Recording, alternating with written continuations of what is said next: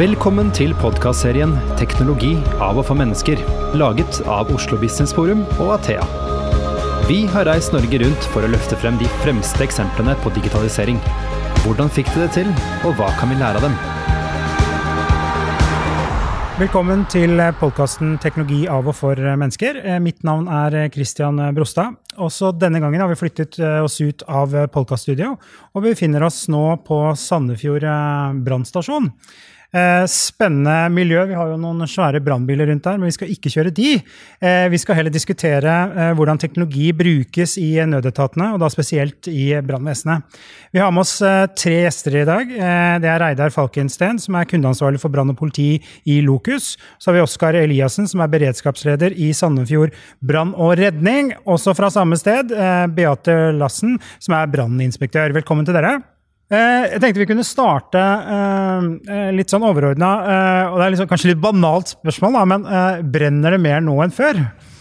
Egentlig ikke på statistikken, hvis vi skal ta, se på det, så er den ganske flat. Den går opp og ned. I visse år, eh, 2016, 2017, 2018, så er den ganske flat og stabil i forhold til antall branner generelt. Og så kan du selvfølgelig spisse det ned, og hva skal du se på av branner, men det er ganske stabilt eh, på statistikk. da. Er eh, årsakene til at det brenner, har det endret seg? Eller er det, Det er fortsatt uh, elektrisitet som er hovedårsaken. Både feil bruk og feil på elektriske anlegg. Som er hovedårsak, men ikke mer enn at det er et par 55 Over 50 til sammen. Eh, Så er det mange andre årsaker, da. Men elektrisitet, og så går jo da skalaen ned til levende lys og alt det der etter hvert. Mm. Men hovedsak er elektrisitet og feil bruk. Hvor mange utrykninger har dere i løpet av et år?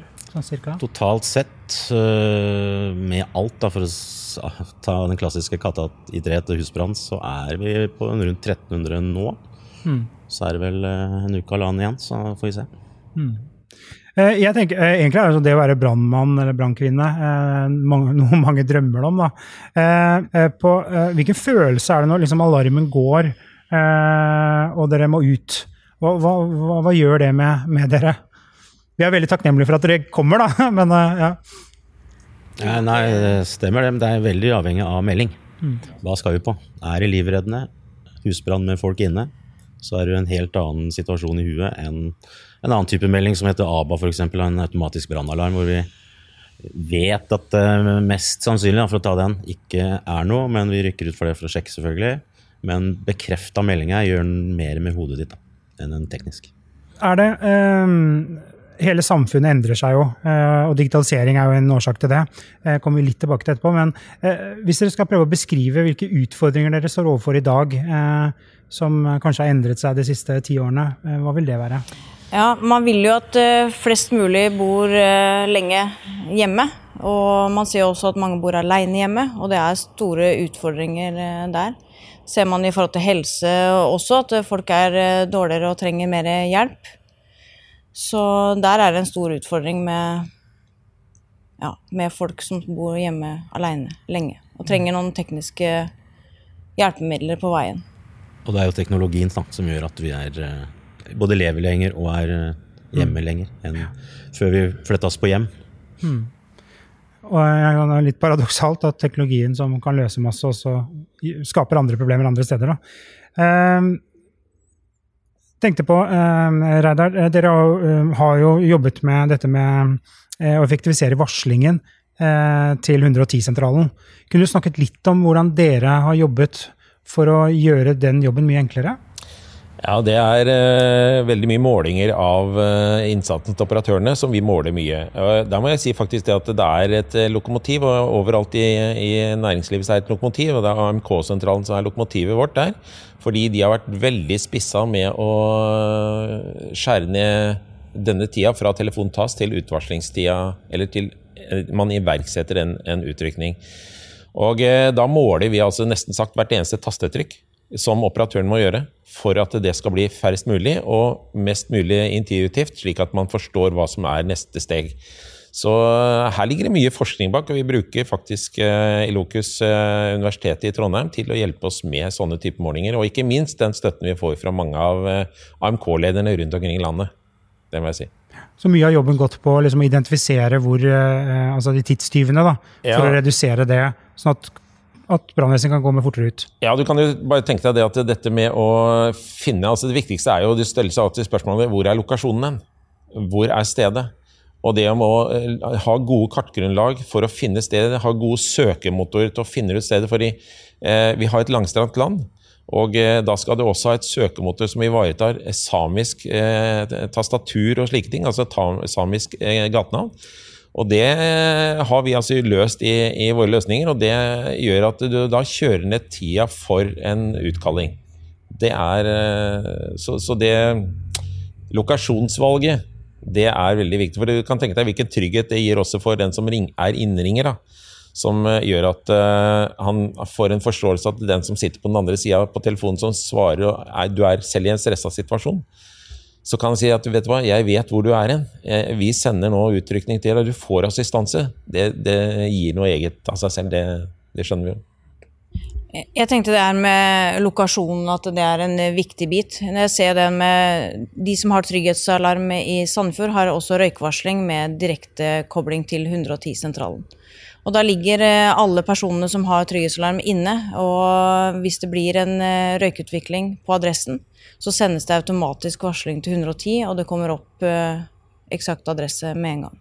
Så det også er en veldig bra og eksakt greie. Dette med mobiltelefoner har gjort at man kan ta ut veldig mye posisjonering i dag. Som gjør at det også der gjør at du får en mye mer effektivisert tjeneste for nødetatene generelt. Sånn at, eh, og der har eh, DSB da gått i front og, og kommet med pålegg og, og, gjort det slik at eh, det er et system som alle nå nødetater bruker. Og det er veldig positivt, slik at innringer igjen da får den tryggheten med at han blir fort funnet. Så det er, det er mange Jeg kunne sikkert hatt veldig mange andre sånne Dette ble nevnt av Beate her, dette med, med å få ut ordentlige eh, alarmkort, som vi kaller det. da, altså Alle opplysninger som gjelder denne som bor hjemme. Eh, det er også sånn at eh, De også kan da prate direkte med vedkommende som er hjemme, hvis det er mulighet til å få kommunikasjon. altså Telekommunikasjon er oppe og står. Så er jo også det en betryggelse for den som da det er noe som skjer hos, hjemme hos vedkommende. Så ja. Hvordan opplever publikum, eller eh, de som, er, som ringer inn, da, hvordan opplever de dette? Det, slipper de å fortelle hvor de er? Det er liksom det eneste, eller er det andre ting? Nei, altså Det er jo naturlig at en operatør spør uh, ofte hvor, hva ser du der du er. Liksom, det er liksom noe av en clou her for å berolige vedkommende. Men det er klart at uh, med den teknologien vi har i dag, så er det jo veldig ofte sånn at du vet veldig fort om, og jeg kan ta noen uttrykk fra Oslo brann og redning. Liksom, hvis, det ikke var, hvis, det, hvis det skjer noe i Oslo, at det ikke er liksom ti telefoner, det er en stor kollisjon i et kryss, så er det liksom det er minst ti stykker som ringer. Mm. Og, og, da ser man da, uh, hvilken effekt det har, og, og, og ser hvor mange får bekrefta stedet. Så det å, å, få den tryggheten tilbake til innringer, det er veldig viktig. Eh, og det er jo også det at vi er jo blitt mye flinkere i, i samfunnet til å være med å gi rask responstid. Eh, hvis jeg får lov til å ta et eksempel fra helse, så var det jo det at eh, før i gamle dager så var jo alltid ambulansen i Oslo på enten på AMK Ullevål eller på, på legevakta i Oslo. Men nå i dag så er jo de flytende rundt pga. at du har et flåtestyringssystem som gjør at du ser hvor ambulansen er hen, og dermed så kan du ha beredskap oppe på Ekebergsletta. Du har beredskap andre steder. Og det her i, i Vestfold også, så er det jo eh, sideforflytning som gjør at eh, de da setter brannbil på strategiske steder. Hvis f.eks. Sandfjord nå rykker ut, så er det noe som skjer i Larvik. Osv. Men det kan Oskar sikkert si mye mer om. Det, det kommer jo innringeren til glede.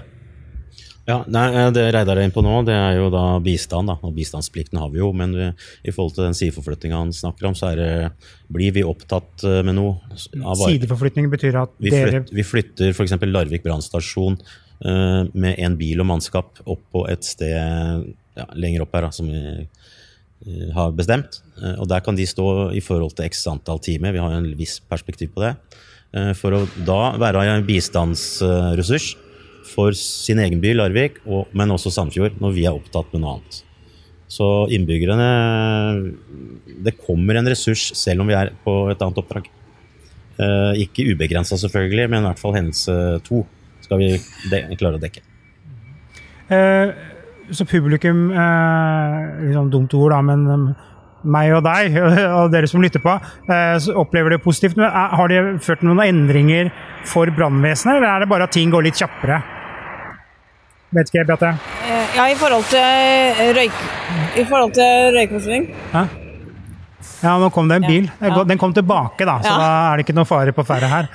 Nei, I forhold til røykvarsling tenkte du tidsmessig. Eh, De som har trygghetsalarm, der er det jo kjapt på. Eh, For med en gang røykvarsleren oppdager røyk, så ringer den jo til 110. Da trenger ikke brukeren hjemme gjøre noen ting som helst. Og alt kommer opp, og så blir det varsla ut eh, til Sandefjord med en gang med adresse, og at det er eh, automatisk alarm fra en trygghetsalarmbruker. Så det går jo fort. Alt går fort. Bare, og jeg tenker at dette gir økt sikkerhet for, for alle, så det må jo være kjempebra. Eh, Når man snakker om digitalisering av, eh, av brannvesenet, så går det ofte i, i droner og eh, jeg drømmer om å kjøre drone, da, men det er ikke relevant her. Men eh, ja, Hvor du kan søke i tunneler og du kan gjøre en hel masse eh, ting. Eh, hva andre områder innenfor eh, den etaten dere er en del av, eh, er det som eh, blir liksom eksponert for eh, teknologi? Er det, er det andre områder? Ja, nei, I forhold til drone du snakka om, så er jo det ja, kanskje et ønske for oss i brannvesenet å få det. og sånn, men det, det krever jo sitt, det òg. Det krever jo ressursopplæring og kursing da, for, for å ta den biten her. Uh, og dronebruk. Jeg og Reidar snakka litt om det før sending, holdt jeg på å si, i forhold til én pilot på én drone. Men oversikten som drona gjør, er jo kanskje ti personer. Så, så, så der sparer vi jo mye. Eh, Men i forhold til andre ting, Reidar, som eh, Ja, altså, Først og fremst så jeg kan jo allerede begynne da med som vi var litt inne på, hva som skjer når alarmen går her. Og, og dette med Vi har en løsning på informasjonsskjermer. Sånn at eh, de som rykker ut, får en, altså en tanke rundt hva slags oppdrag de skal på. og Det er et samarbeid mellom Scala og Athea. Som da eh, gjør at de får et veldig tidlig varsel om hva slags oppdrag de skal ut på. Det er jo én ting. Det er den skjermen vi liksom Det er den har i bakgrunnen her. står ja. i bakgrunnen her, ja. Eh, og så er det jo de kommer i bilen, da, så, så igjen da leser de selve oppdraget. Da får de forståelse av igjen da, bekrefta hva, hva er det vi nå skal på. og Dersom det skulle forverre seg, så vil de også kunne lese det i teknologisk med disse, dette datamaskinen de har i kjøretøyet. Så kan de lese da hva som er blitt oppdatert.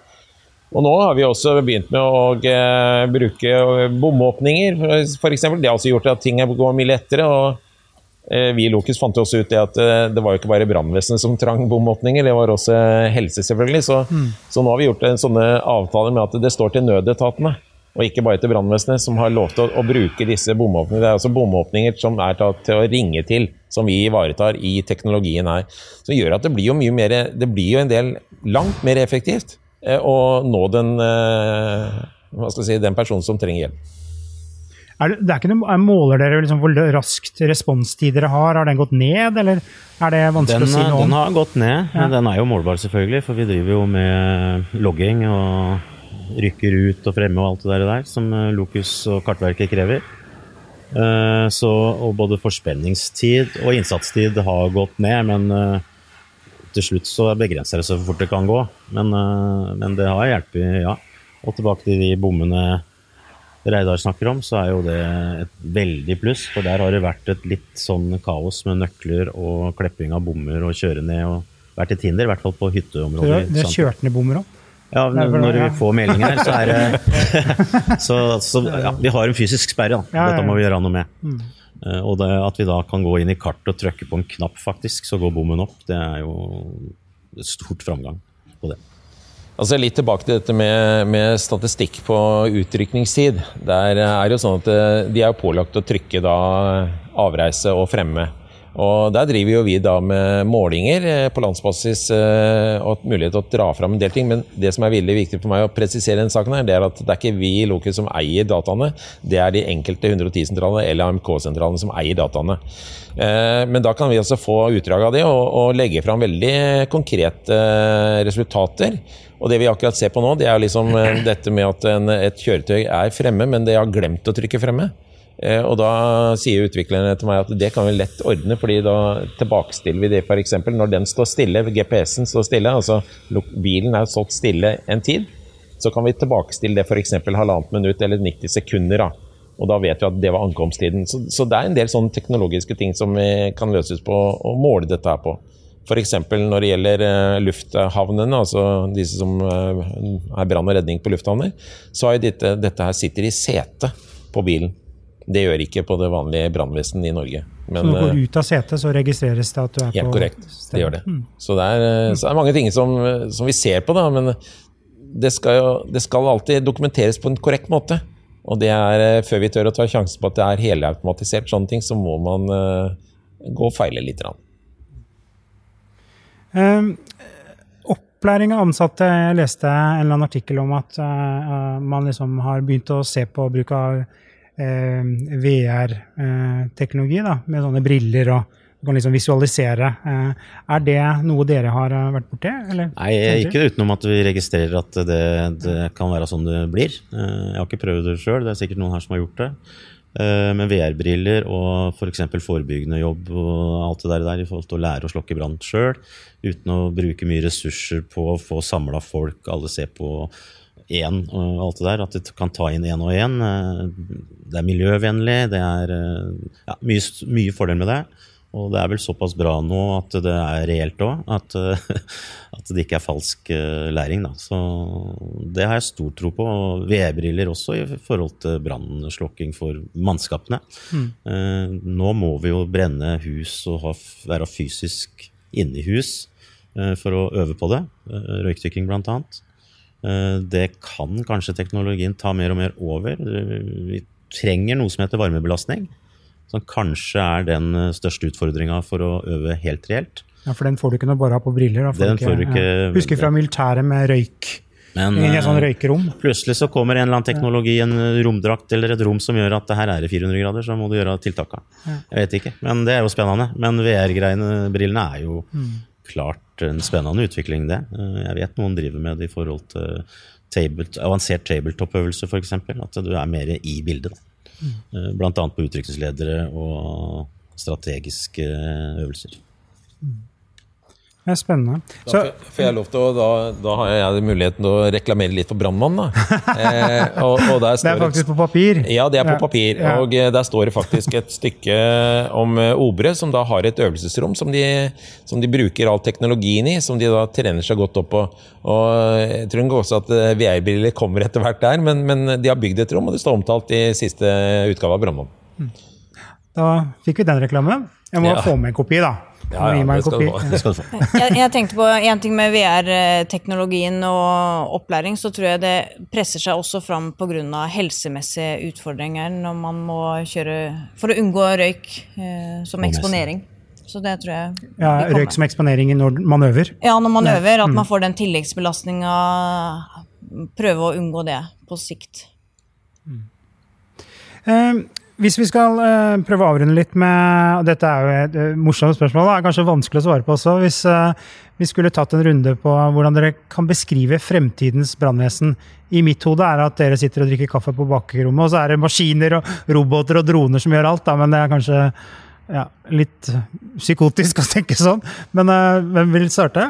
Ja, nei, Du er kanskje litt inne på det med Tone, med roboter og droner. Men det, det skal ikke kimse av det, tror jeg. Nei, nei. I fram, framtida der. Eh, vi vet jo, nå husker jeg jo ikke hva den slokkeballen heter, men eh, det er jo en ball du kan kaste inn i en, et brannrom da, som eksploderer, og så slokker den brann. Ah. Det kan f.eks. bli festa på en drone, kjøre inn og slippe.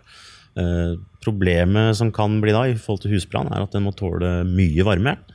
Så der kan jo utfordringa komme. Jeg vet de sender raketter. Den smelter, liksom? Ja varmeskjold og alt det der på NASA-nivå, det, det fins jo. Men, ja. men, kanskje en dag så sender vi inn eh, andre enn mennesker for å slokke den brannen. Hmm. Hva tenker du, eh, Beate? Eh, ja jeg tror at på forebyggende sida Det er lov å være litt vill nå, altså. Ja, jo. det er det jeg tenkte. Ja. Nei, jeg tenker på forebyggende sida, så uh, tror jeg at det blir min, ja, kanskje blir mindre besøk ute hos uh, brukerne og bygg enn det det har vært uh, i dag.